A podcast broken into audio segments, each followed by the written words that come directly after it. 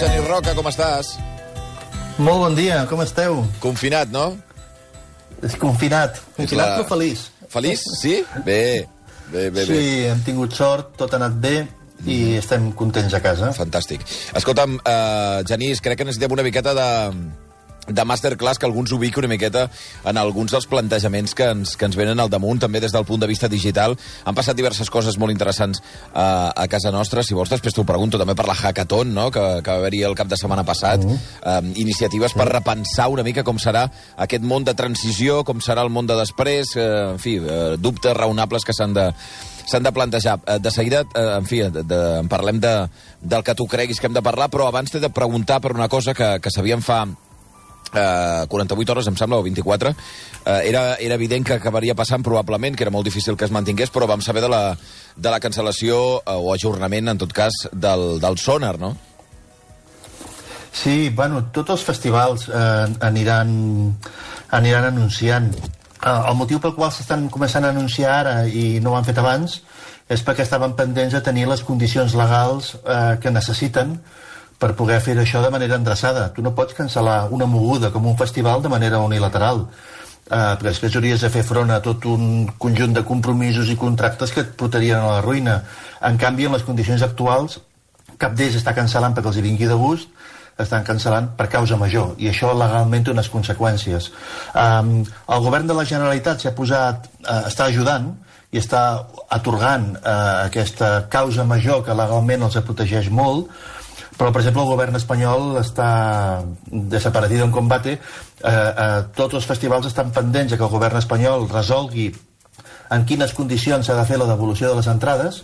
Eh, a dret de llei, tots, els, tots els que van comprar una entrada per anar al Sonar o qualsevol dels festivals que es vagi cancel·lant, eh, tenim dret a la devolució de les entrades i el que demanen els promotors és que aquesta devolució... La llei obliga que la devolució sigui en, en 14 dies o 15 dies a partir de, a partir de que tu reclames, però si ara tothom comença a demanar la devolució de les entrades els propers 14 dies, eh, és la ruïna. Llavors, els festivals estan demanant que ningú perdi aquest dret a la cancel·lació, però que hi hagi més flexibilitat en els terminis per, per tornar això i, i també pues, que valguin per l'any que ve, etc. Mm. Però en aquest context de, de cancel·lacions i de problemes que com tots els sectors tenen, eh, també hi ha coses xules. Eh? Per exemple, em consta, eh, sé de bona tinta que el, que el Cruïlla el Festival Cruïlla està preparant una proposta per, d'acord a el que la nova normativa disposa, màxim 400 persones, totes sentades, mantenint la distància, eh, intentar promoure tot un conjunt d'activitats per tota la ciutat en diferents espais singulars en aquestes condicions i amb artistes a primer nivell nacionals, com no pot ser d'una altra manera, però si això se'n surten, serà, pot ser molt, molt potent i, i molt ajustat a la llei. Uh, tinc entès que la Generalitat mm, està a favor d'aquesta idea i ara faltaria que l'Ajuntament de Barcelona uh, concedeixi tots els permisos necessaris, etc. però vull dir que no tot són cancel·lacions. Podria ser que, si se'n surten, tinguéssim també bones notícies per fer coses amb les noves condicions a la ciutat. Però estem parlant del Cruïlla, entenc, imagino, de... el d'estiu o, o el de tardor, per entendre'ns. Ara, ara, si la, la seva Ah, idea és carai. que com que el festival que tenien imaginat, el festival que tenien imaginat mm, mm, sembla que no es podrà tirar endavant, uh, crec que estan intentant promoure activitats per tota la ciutat uh, ara, aquest juliol, eh? Val, val, doncs que, serà, Xavi, serà molt igual encara podem anar a fer una cerveseta encara podem anar a fer una cerveseta escoltant algun dels Ostres. nostres grups preferits. Seria fantàstic, això, seria fantàstic. Bé, um, també dic que, que no hi ha sonar, però jo sí que hi ha d'haurà el, la tardor sonar més D, que, que era una de les Exacte. vinculacions importants, això sí, eh? Sí, sí, sí. Mm. Bueno, tothom està intentant uh, sobreviure. Al final aquesta situació és dramàtica i tota aquesta gent que es dedicaven a fer events de, amb molt de públic a l'aire lliure o no a l'aire lliure a veure com queden aquestes condicions però si vols parlem d'això de, de, Va. de com serà uh, aquestes fases que ens venen ara amb tota aquesta crisi del coronavirus Que, o sigui, què hem de tenir en compte? Què és el que ens ve al damunt? I La meva suggerència aquests dies és que tothom entengui... Eh, me poso en una lògica una miqueta empresarial, però això ens afecta a tots, perquè o, o, o treballem en una empresa o som usuaris dels serveis de les empreses. Amb lògica empresarial, eh, estic suggerint aquests dies la reflexió de quin calendari tenim pel davant.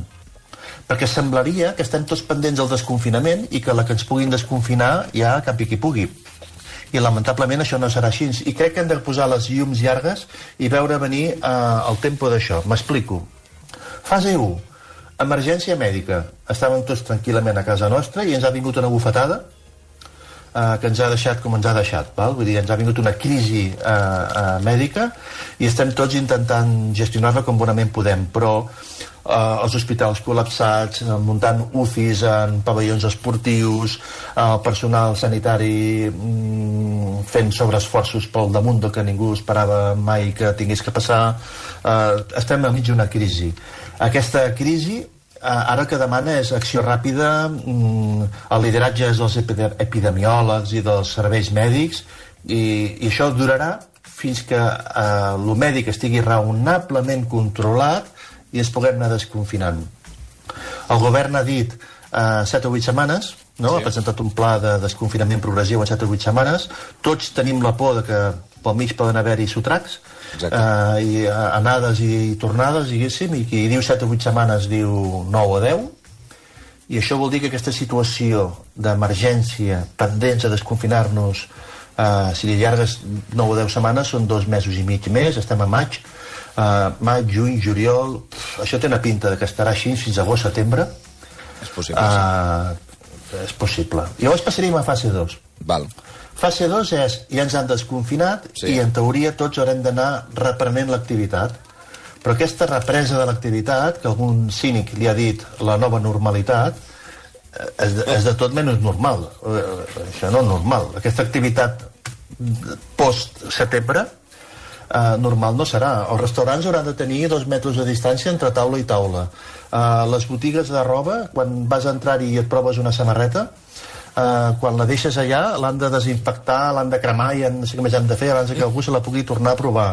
Eh, les, eh, totes les condicions de treball estan profundament alterades. Uh, uh, els concerts seran de 400 persones. Els teatres, per exemple, un 25 o un 30% de l'aforament màxim o, o un 40 o un 45. I això fins quan? Quant temps durarà? Doncs, no sabem, realment. Fins que no tinguem, fins que no tinguem o un tractament o una vacuna. Correcte. Això ens I, anem mínim a 2021, uh, això segur. O sigui, uh, però, però ja veurem de quan. 2021 segur. Mm. I després, com que no ho sap ningú això, depèn de si ets més optimista o menys optimista. Però si penses en termes de vacuna, eh, entre que la proven, l'assagen la, la, i, i, i tothom se la posa, eh, això demana un tempo. Llavors, es parla eh, d'entre entre 15 i 30 mesos. Eh, entre 20 i 35 mesos, no, no ho saben. Però si això és així, aquestes condicions anòmales d'activitat són mínim tot el 2021. Buah, és que això és... I calla que no sigui també una mica del 2022 mm -hmm. o tot el 2022. Mm -hmm. Aguantaran els restaurants? Clar. Aguantaran els teatres? Aguantaran les botigues de roba? Aguantarà el comerç de proximitat? Aguantaran els bars? Eh, fa de mal dir.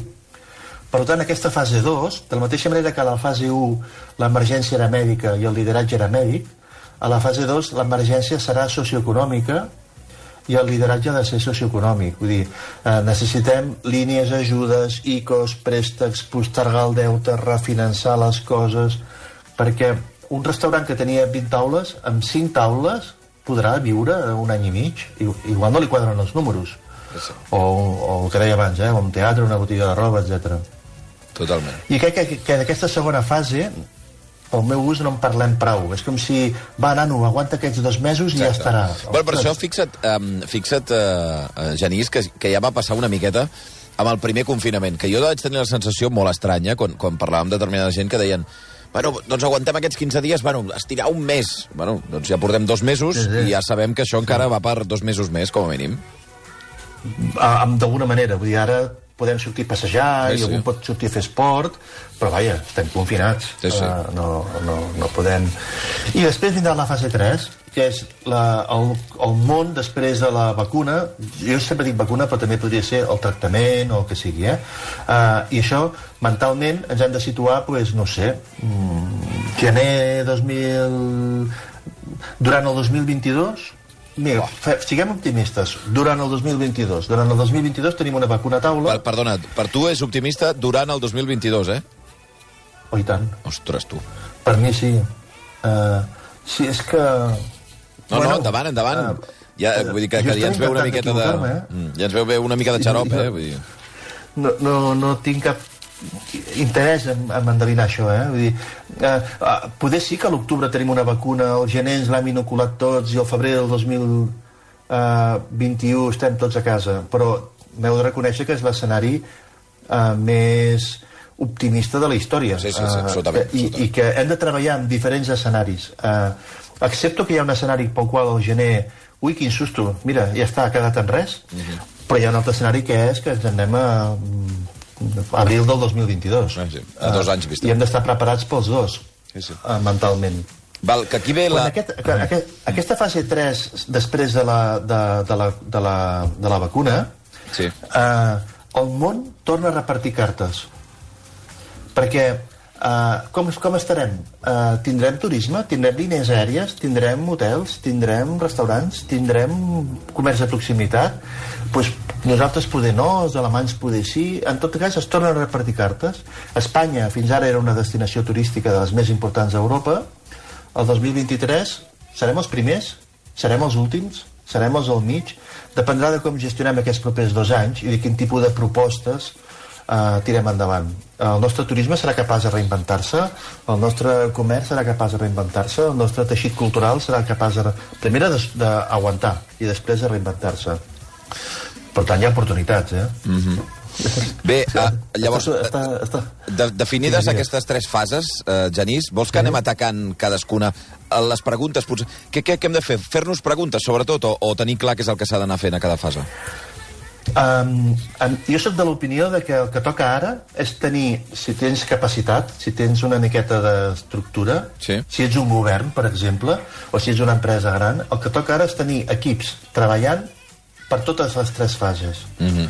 És a dir, ara tocaria, pensem en paràmetres de govern, per exemple, toca tenir professionals abocats a gestionar la fase 1, a gestionar l'emergència sanitària que tenim, i toca tenir equips ja dissenyant la fase 2 i com serà el suport econòmic a l'activitat i com seran les ajudes i com serà tot el sistema que necessitem per aguantar, si tinc raó, aquest any o any i mig de, d'activitat molt llestrada, molt hipotecada. Mm. I també hem de tenir equips treballant en la fase 3 en quin és el nostre pla estratègic per, com a país, o com a empresa, o com a ciutat, o com el que sigui, um, com, com en quines condicions creiem que arribarem aquest 2022-2023 i quines són les nostres apostes estratègiques. Va, doncs anem a repassar una per una, uh, uh, Genís. Coses que poden passar. A veure, gestió de cada fase. Sí, coses que poden passar. A la, a la, a la fase 1 la prioritat, ja ho han dit, és cuidar les persones, eh, però, mira, coses que poden passar. Mm, al meu entendre, eh? Uh, S'ha mort el low cost eh, havia tota una tendència de producte low cost, de servei low cost, de volar amb Ryanair o de tenir mm, solucions bé de preu, jo crec que això s'ha anat a, a l'aigua perquè no es podrà treballar a, a low cost, perquè ara eh, tenir l'activitat funcionant et demana sobrecostos. Uh, segueixo amb els exemples que fèiem servir abans. Si tu tens un restaurant en 30 taules i ara només en pots tenir 7, el que no pots fer és treballar barat perquè amb només 7 taules has d'aixecar el que abans feies en 30. Clar, clar. Tu no pots cobrar un si menú a 5 euros. Aèria, serà molt difícil. O sigui, això, això a, a les companyies aèries que s'atreveixin a volar i la gent que s'atreveixi a pujar un avió Uh, sembla ser que tota la línia, tota la filera del mig de seients no es faria servir bueno, quan abans hi posaven 150 persones ara potser hi posaran 60 pues volar no podrà ser tan barat doncs tot el tema de low cost se'n va avall però tu creus, perdona, eh, perdona, això, sobre això, Genís, que em sembla molt sí. interessant, eh? El, tot el tema low cost et refereixes no només al, al sector aeri, que és molt més evident probablement, perquè ara mateix aixecar un avió amb restriccions de, de, de, de, de, de distància és inviable econòmicament parlant, uh, però no et refereixes només al món aeri, que era molt significatiu, que va ser un símbol, pràcticament, no?, de, dels, dels 2000 um, sinó a tot en general. És a dir, les coses que són barates jo. o que, que, que considerem, ostres, mira quina ganga, una oferta d'última hora de no sé què això, eh, no. Jo, jo, jo crec, sempre hi ha excepcions, eh, però jo crec que en general les condicions de treball es compliquen i si les condicions de treball es compliquen els preus pugen perquè tu no pots treballar de la mateixa manera que abans. Vull dir, un Clar. treballador ara té que anar especialment equipat, mantenint la distància, fer uns protocols... Jo crec que això afecta a la productivitat i afecta, per tant, els, els, els preus de les coses. Clar. Ara imagina't un cuiner, eh, eh, una cuina petita i dos cuiners ja dintre treballant. Ja, no pot ser, tenen que tenir dos metres, ostres, només un cuiner pues, anirà més a poc a poc. No, no són, són moltes coses o, o calla que no tinguem que fer obres eh, que alguns establiments ara hi haurà botigues, ja veuràs que tindran les portes d'aquestes correderes que s'obren mm. vés-te vés vés pensant mentalment que les portes correderes cada vegada que entra o surt algú tenen com un comptador i, i es, es posaran verdes o vermelles en funció de si hi ha massa gent a dintre i no pots entrar Clar. i llavors no se t'obrirà la porta Clar. Ah, una botiga on fins ara hi passava tot un tràfic de gent i ara de cop i volta màxim 5 persones vendrà menys eh, i si Sí, ven sí. menys tot, hi ha tota una conseqüència no?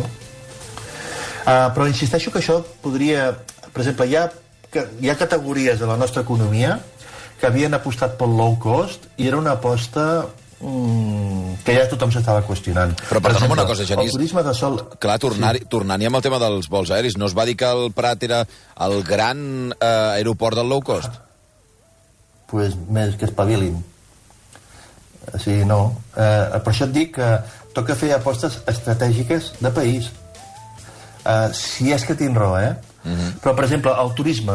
Eh, eh, es criticava molt que ja no tenia massa futur continuar allargant una proposta de turisme de sol i platja a preu rebentat, vol charter, eh, 200 anglesos aterrant a un poble de la costa pues, si el low cost eh, mm, canvia, eh, els que encara seguien insistint eh, en aquest model, ara es veuen obligats eh, a, a repensar la seva proposta, a repensar el seu servei, a reinventar-se o a dedicar-se a una altra cosa. Que en alguns casos penso, mira, ja era hora. Mm. Segueixo més, Sí, sí. més temes I tant. Um, en, a- en aquesta situació que estem visquent, uh, qui l'aguanta millor és qui, qui té caix, qui té, qui té calés al banc, qui té tresoreria per aguantar la- l'atzucac, i qui ho pateix més és que qui, qui va molt curt de calés i té que demanar crèdits, té que demanar préstecs o té que fer demanar finançament. Mm -hmm. El govern, en teoria, habilitarà línies de finançament, però ja hem vist com funcionen els nostres governs i d'aquí, d'allà i del mig, eh? No tenen gaire cèntims, a, a, a Brussel·les no s'acaben de posar d'acord. Llavors, les línies de finançament que hauríem de tenir Ai, senyor, sembla que no... L'altre dia el govern d'Espanya va anunciar unes ajudes extraordinàries de 16.000 milions d'euros, que podria semblar molt, però us recordo que la crisi última que van patir, aquesta del 2008, recordeu el Pla Zapatero? el pla Zapatero que no va servir per res, no va, no va, no va poder evitar que caiguéssim en una crisi molt profunda. El pla Zapatero era de, era de 60.000 milions Sí, sí. i no va servir per res. El, uh, ara n'han presentat un de 18.000 a repartir entre totes, les, entre totes les comunitats. Ai, total, que qui tingui necessitat de caix i qui tingui necessitat d'accedir a, a finançament patirà. Llavors, um, una conseqüència podria ser tot aquest ric i dens sistema emprenedor, ecosistema emprenedor, que per exemple a Barcelona estava fent molt de... ens estaven posicionant com una, una de les grans ciutats de referència per l'ecosistema emprenedor. L'ecosistema emprenedor, per definició, té una idea i demana gent que inverteixi en aquesta idea. Uh, però la idea encara és molt verda, encara no dona rendibilitat, és un prototipus. Tota aquesta gent amb propostes que encara no tenien model de negoci i resultats en positiu, ara per trobar caler patiran més. Llavors, podria ser que tot això també uh, patís una miqueta. Sí, uh, Genís, doncs ara m'estàs dibuixant que algunes de les coses en què s'havia posicionat millor o més, no sé si millor, però, però estratègicament uh, una ciutat com Barcelona i que, per tant, afectaven directament ca uh, Catalunya uh, es veuen afectats de ple pel coronavirus. Ja no és només el turisme, que és obvi, sinó el low cost, per una banda, i, el, i aquest ecosistema d'emprenedoria. Llavors, eh, això del, del, dels emprenedors com es compensa? Bueno, això, bueno, primera, que, primera que puc no tenir raó i que tot això dep també depèn de quines mesures prenguem ara i mm. per això reivindicava que toca tenir equips treballant a la fase 1, a la 2 i a la 3 i que en paral·lel que tenim els millors metges eh, intentant resoldre la situació hem de començar a posar a treballar els millors economistes perquè tot això que estic eh, comentant ara també podríem posar-ho sota control i gestionar-ho d'alguna manera, no sembla fàcil, però mm -hmm. uh, el que no podem fer és deixar-nos gestionar per inèrcia i dir, mira, mira, una altra cosa que cau, mira, una altra cosa que passa, sinó que realment jo crec que hi ha les condicions com per poder començar a fer anàlisi.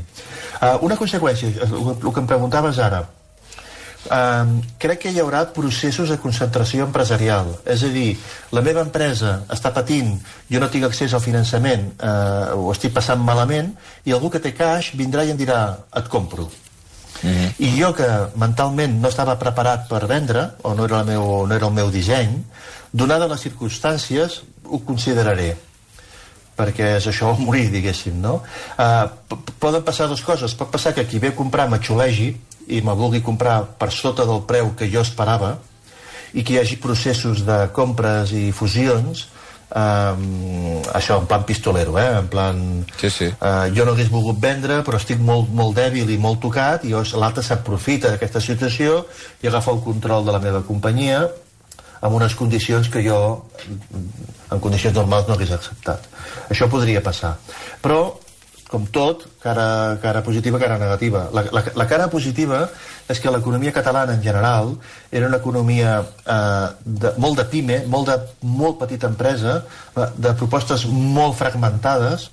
Eh, nosaltres, no sé, Mallorca té el, els Melià, eh, nosaltres no tenim grans grups hotelers eh, que, que, que puguin pretendre anar a conquerir el món.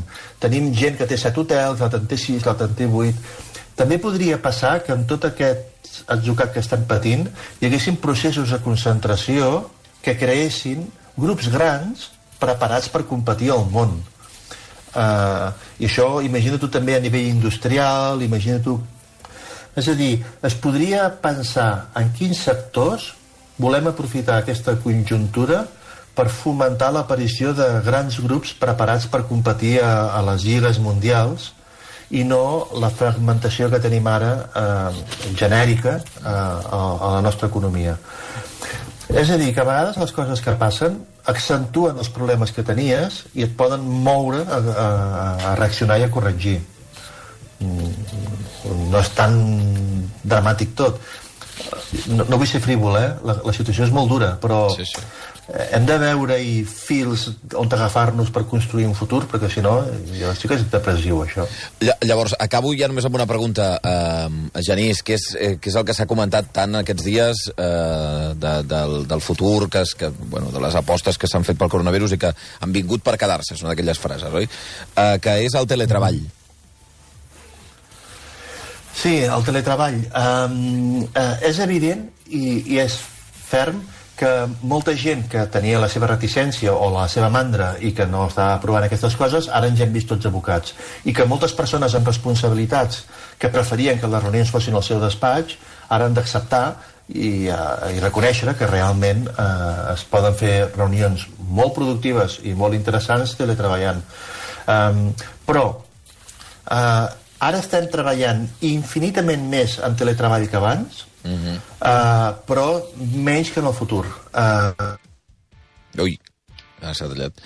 Uh, més que abans i menys que el futur, em sembla que m'ha semblat entendre el Genís Roca. A veure si el podem recuperar, eh, si no haurem de deixar-ho aquí, però, però estava sent una, una explicació interessantíssima de com pot ser el, el món eh, en els pròxims dos anys, mentre es trobi una vacuna. El Genís, ets per aquí, eh? Sí, sí. Que deies que estem treballant problemes. més que abans amb teletreball sí. i menys que, que el que farem, perquè... Mare de Déu, uh, és a dir, només teletreball... No, no sé si ho he explicat bé, això, m'he liat amb les paraules, poder. M més que abans... Sí. I més que després, també. Ah, d'acord, d'acord, eh? d'acord, d'acord. Quan la normalitat torni, sí. això s'apaivagarà una miqueta, perquè només teletreballant eh, tampoc anem bé. Perquè, perquè una empresa funcioni bé, també necessitem mm, relacions personals, confiança, sentiment, mm -hmm. sentiment de pertanyença... I Tu te tires tres mesos treballant a l'habitació de casa teva i la sensació de grup la vas perdent. Clar. Segur. No. I també problemes domèstics, eh? perquè no tothom... O sigui, si sou tres a casa i tots tres treballeu, eh, tu per teletreballar necessites que no se sentin els crits del costat o la conversa de l'altre. Llavors, un es refugia a la cuina, l'altre al menjador, l'altre a l'habitació, Sí, sí. però no és, no és gaire pràctic. Doncs haurem d'anar-ho calibrant, per tant. Sí, haurem d'anar-ho calibrant. Però, no, en tot cas, una idea. S'ha demostrat que sense internet tu no pots accedir, tu no pots continuar treballant, en alguns casos, i la teva mainada no pot seguir en contacte amb l'escola. I treballar i anar a col·legi són drets bàsics.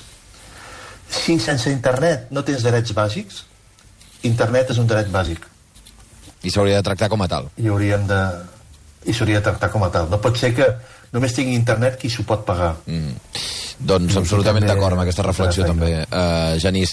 Uh, em quedo amb això, eh, que estem teletreballant més que abans i, i més que després. O sigui, que, que això baixarà Sí, una mica, això sí, està sí. bé. Això està bé. Sí, uh. Genís, doncs moltíssimes gràcies per aquest dibuix. Uh, en seguirem parlant i, i en fi, uh, potser en una altra ocasió ampliem també tots aquests debats que, que, que hem tingut. Una abraçada ben forta, Genís. Gràcies a vosaltres. Fins ara. Genís, Genís Roca, l'home que, que sempre ens dibuixa la, les situacions de, de futur um, uh, des d'un punt de vista digital, però, en fi, com veieu, també amb molt contacte amb, amb empreses uh, i amb formes de treballar.